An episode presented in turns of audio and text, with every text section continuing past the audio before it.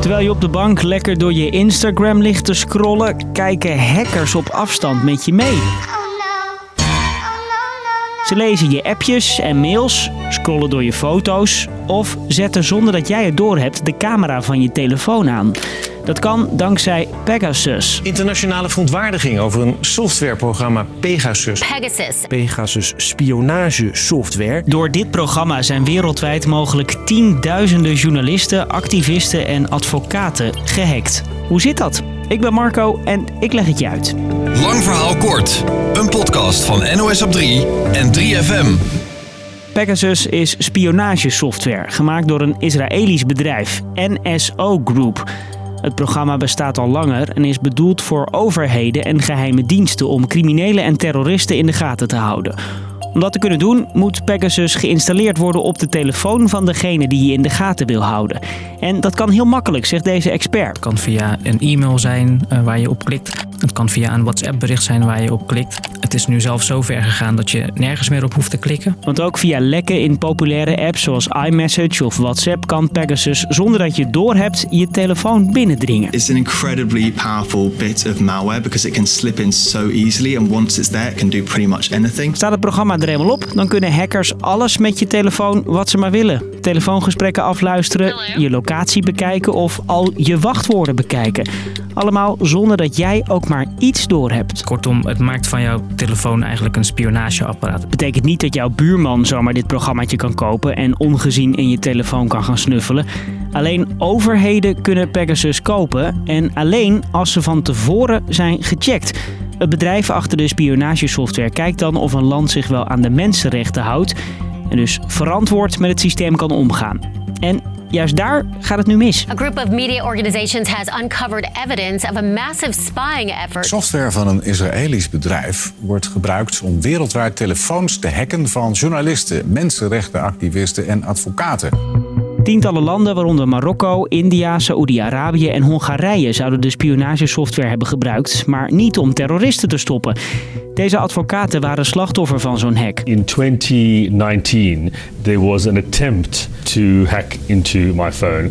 I was on a list of persons to be targeted. Morocco decided to spy on us, to hack us, because my client, who is a political prisoner. Een Franse organisatie die onderzoek doet naar de persvrijheid ontdekte samen met Amnesty International 50.000 telefoonnummers van mensen die mogelijk door het programma zijn gehackt.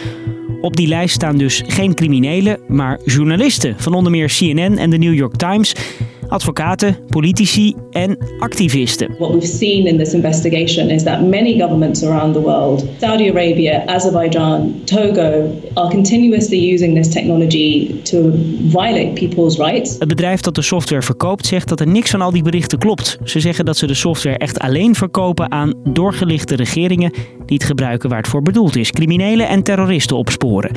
Maar de expert die je eerder ook al hoorde, vertrouwt dat niet helemaal. Dit is ook een manier van uh, zo'n bedrijf als NSO Group om hun handen schoon te kunnen wassen van dit soort problematiek. Door te kunnen zeggen, ja, wij hebben een contract waarin staat dat je de software uh, niet mag gebruiken tegen journalisten.